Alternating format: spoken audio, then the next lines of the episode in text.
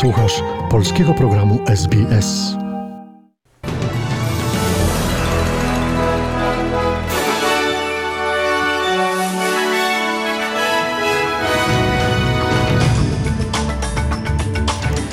Witam Państwa serdecznie przed mikrofonem Dorota Banasiak. Zapraszam do wysłuchania przeglądu wiadomości radia SBS. Zaczynamy od skrótu najważniejszych doniesień. W Wiktorii 15 nowych zakażeń koronawirusem i żadnych nowych zgonów. W Europie pogarsza się sytuacja epidemiologiczna. W Górskim Karabachu wymiana ognia między Armenią i Azerbejdżanem. Na Białorusi pół tysiąca osób zatrzymanych przez milicję. Andrzej Duda podpisuje polsko-ukraińskie porozumienie energetyczne. Rafael Nadal wygrał wielkoszlemowy French Open. A oto szczegóły doniesień. W stanie Wiktoria odnotowano 15 nowych przypadków zakażenia COVID-19 i nie odnotowano żadnych nowych zgonów. Stanowy premier Daniel Andrews zamierza złagodzić pewne restrykcje w najbliższą niedzielę 19 października. 14-dniowa średnia przypadków e, zachorowań na koronawirusa dla miasta Melbourne wzrosła z 9,3 do 9,9, natomiast w regionalnej Wiktorii utrzymuje się ona na stałym poziomie 0,4. W międzyczasie wiktoriański sekretarz gabinetu premiera Wiktorii Chris Eccles ogłosił swoją rezygnację. Doszło do tego po tym, jak nagrania jego rozmów telefonicznych przekazano komisji prowadzącej dochodzenie w sprawie hotelowej kwarantanny, która miała być powiązana z falą pandemii koronawirusa w tym stanie. Australijczykom planującym teraz zagraniczne wakacje odradza się planowania podróż do Europy czy też Stanów Zjednoczonych. Rząd federalny Australii podał, że podróż do tych turystycznych hotspotów może nie być możliwa w 2021 roku. Tymczasem do końca tego tygodnia Nowozelandczycy będą mogli wjeżdżać na terytorium północne i do Nowej Południowej Walii bez konieczności poddawania się kwarantannie. Jest również nadzieja na to, że Australijczycy wkrótce też będą mogli podróżować do Nowej Zelandii. Premier Scott Morrison powiedział, że rozmawiał z liderami na całym Pacyfiku i Azji o wznowieniu połączeń turystycznych z Australią. Uh, uh, Miejsca takie jak Korea Południowa, Singapur i Japonia to kraje, z którymi prowadziliśmy rozmowy, ale myślę, że aby tam wjechać, musimy jeszcze trochę e, poczekać. Wystarczy spojrzeć na to, co dzieje się w tej chwili w Europie, gdzie właśnie przeżywają kolejną przerażającą falę COVID-19 i właśnie dlatego musimy być bardzo ostrożni, powiedział Scott Morrison. Rząd federalny Australii oferuje zwrot lub zniesienie opłat za wnioski dla posiadaczy wiz dotkniętych pandemią COVID-19 i związanymi z nią ograniczeniami dotyczącymi podróżowania. Posiadacze wiz turystycznych, którzy przebywają za granicą i których wizy straciły ważność lub stracą ważność między marcem tego roku a grudniem przyszłego roku, będą uprawnieni do zwolnienia z obowiązku ubiegania się o nową wizę. Osoby na wizach Temporary Skills Shortage i Temporary Work Visa, a także backpackersi na wizach Working Holiday Maker, którzy nie mogli przyjechać do Australii lub musieli wyjechać wcześniej z powodu pandemii, również będą zwolnieni z opłaty za wniosek wizowy. Posiadacze wiz z programu pracowników sezonowych i programu pracy regionu Pacyfiku będą uprawnieni do zwrotu opłat za wnioski, jeśli otrzymali wizę przed 20 marca 2020 roku i nie mogli przyjechać do Australii z powodu pandemii COVID-19. Podobne zasady zwrotu obejmą też posiadaczy wiz dla narzeczonych, czyli wizy Prospective Marriage Visa.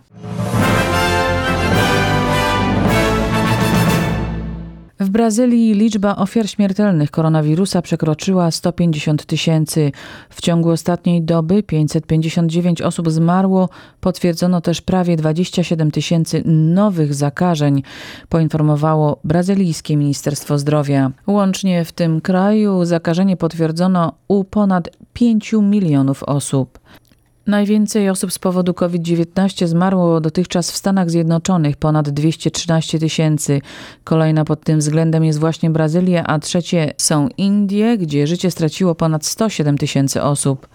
We Francji odnotowano dobowy rekord nowych zakażeń koronawirusem. Minionej doby stwierdzono tam ponad 26 tysięcy nowych przypadków, poinformowała Generalna Dyrekcja Zdrowia.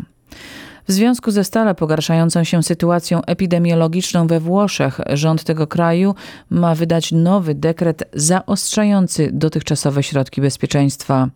W piątek i sobotę liczba wykrytych nowych zakażeń koronawirusem we Włoszech znacznie przekroczyła 5 tysięcy. Natomiast Polskie Ministerstwo Zdrowia poinformowało wczoraj o przeszło 4 tysiącach nowych przypadków zakażeń koronawirusem. Zmarły 32 zakażone osoby. Od początku pandemii w Polsce potwierdzono przeszło 125 tysięcy zakażeń. Z powodu zakażenia w sumie zmarło przeszło 3 tysiące osób. Wyzdrowiało ponad 80 tysięcy zakażonych. Od początku pandemii wykonano w Polsce ponad 3,5 miliona testów. W związku ze wzrostem liczby nowych zakażeń od minionej soboty w całej Polsce obowiązuje tzw. Tak żółta strefa. Jest obowiązek zakrywania ust i nosa także w miejscach na świeżym powietrzu. Natomiast w tak zwanej czerwonej strefie, gdzie obowiązują największe ograniczenia sanitarne, znajduje się 38 powiatów. Nowe restrykcje obejmują działalność lokali gastronomicznych, imprez, przemieszczania się i transportu publicznego, powiedział szef rządu Mateusz Morawiecki. Krótko przypomnę, że działalność lokali gastronomicznych w miejscach w określonych godzinach tylko od 6 do 22.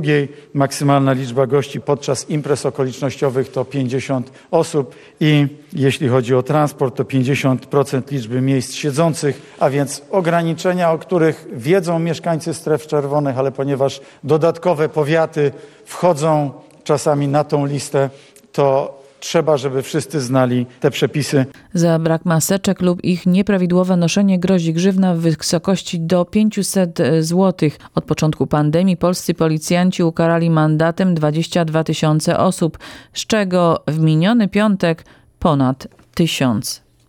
Lekarz Białego Domu Sean Conley poinformował, że prezydent Donald Trump zakończył kurację na COVID-19 i może wznowić aktywność publiczną. Prezydencki lekarz wydał oświadczenie, w którym zapewnił, że u Donalda Trumpa nie stwierdzono postępów choroby i że podawane mu leki nie wywołały żadnych skutków ubocznych. Australijscy naukowcy odkryli, że wirus COVID-19 może egzystować na niektórych powierzchniach znacznie dłużej niż wcześniej przypuszczano. Badania przeprowadzone przez CSIRO pokazały, że koronawirus może przeżyć na powierzchniach takich jak szkło, stal nierdzewna, skaj, bawełna i papier aż do 28 dni. Badania pokazały również, że wirus jest w stanie przeżyć dłużej w niższych temperaturach. Profesor Trevor Drew powiedział, że to odkrycie może pomóc wyjaśnić, dlaczego koronawirus wydaje się odradzać w chłodniejszych klimatach. Przeprowadziliśmy ten sam eksperyment w 20 stopniach, 30 i 40 stopniach i odkryliśmy, że wirus znacznie szybciej umierał w wyższych temperaturach, powiedział profesor Drew.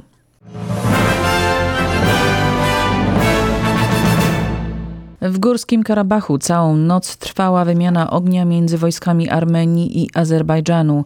O atak rakietowy na Gandże, drugie pod względem liczby ludności miasto kraju, Azerbejdżan oskarżył Armenię. Ministerstwo Spraw Zagranicznych Azerbejdżanu poinformowało, że w wyniku nocnego bombardowania zginęło 7 osób, a 39 zostało rannych. W ubiegłym tygodniu Azerbejdżan również informował o armeńskich atakach na Gandże. Wtedy Armenia odpierała zarzuty. Walki między siłami armeńskimi i azerbejdżańskimi wybuchły na nowo 27 września. Obie strony ścierają się w konflikcie o Górski Karabach. Co najmniej pół tysiąca demonstrantów zatrzymała białoruska milicja podczas wczorajszych protestów w Mińsku i innych białoruskich miastach. Na Białorusi doszło do kolejnych demonstracji przeciwko sfałszowanym sierpniowym wyborom prezydenckim i brutalnym działaniom reżimu Łukaszenki. Najwięcej uczestników zgromadziło się w Mińsku. Uczestnicy protestów donosili o wzmożonej brutalności białoruskich organów siłowych. Podczas protestów białoruska milicja biła uczestników pochodów w celu rozpoczęcia rozpędzenia demonstracji milicja użyła granatów hukowych i armatek wodnych. Centrum Obrony Praw Człowieka Wiosna wciąż aktualizuje liczbę osób zatrzymanych dziś przez białoruską milicję. Obecnie są to nazwiska głównie z Mińska, ale też Homla, Witebska, Grodna i Brześcia. Jak donoszą białoruskie niezależne media, w białoruskiej stolicy wciąż odbywają się aresztowania protestujących. Oddziały milicyjne wyposażone w tarcze, pałki, ale też granaty hukowe i armatki wodne próbowały nie dopuścić grup demonstrantów do centrum miasta.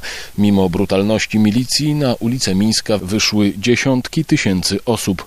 Domagano się ustąpienia dyktatora Aleksandra Łukaszenki, który sfałszował sierpniowe wybory prezydenckie i od ponad dwóch miesięcy brutalnie tłumi protesty. Paweł Buszko. Jutro podpisana zostanie umowa o uczestnictwie PGNiG w prywatyzacji ukraińskiego sektora energetycznego. Umowa między polskim koncernem a stroną ukraińską zostanie podpisana przy okazji trzydniowej wizyty prezydenta Andrzeja Dudy na Ukrainie.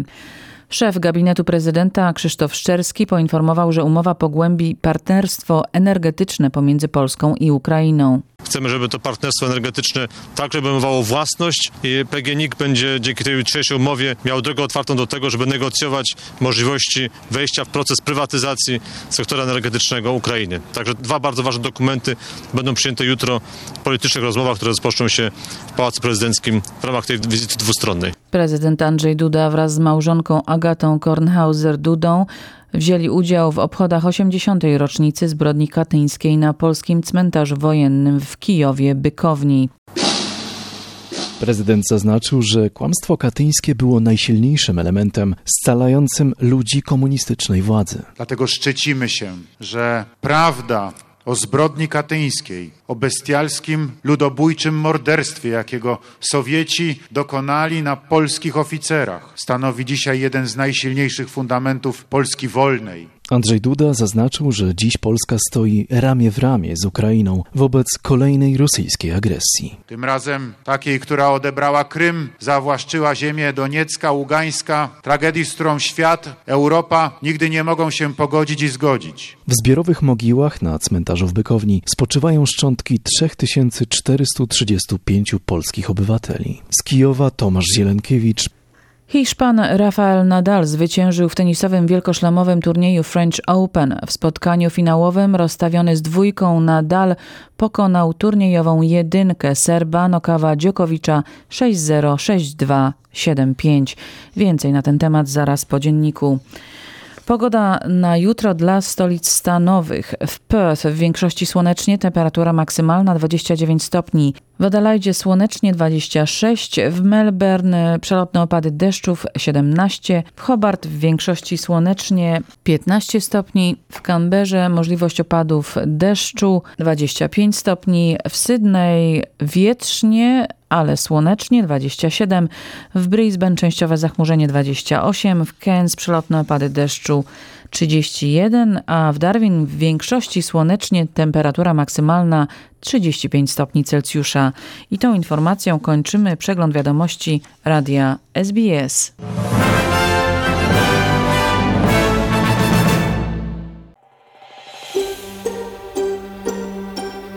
Zainteresowało Cię?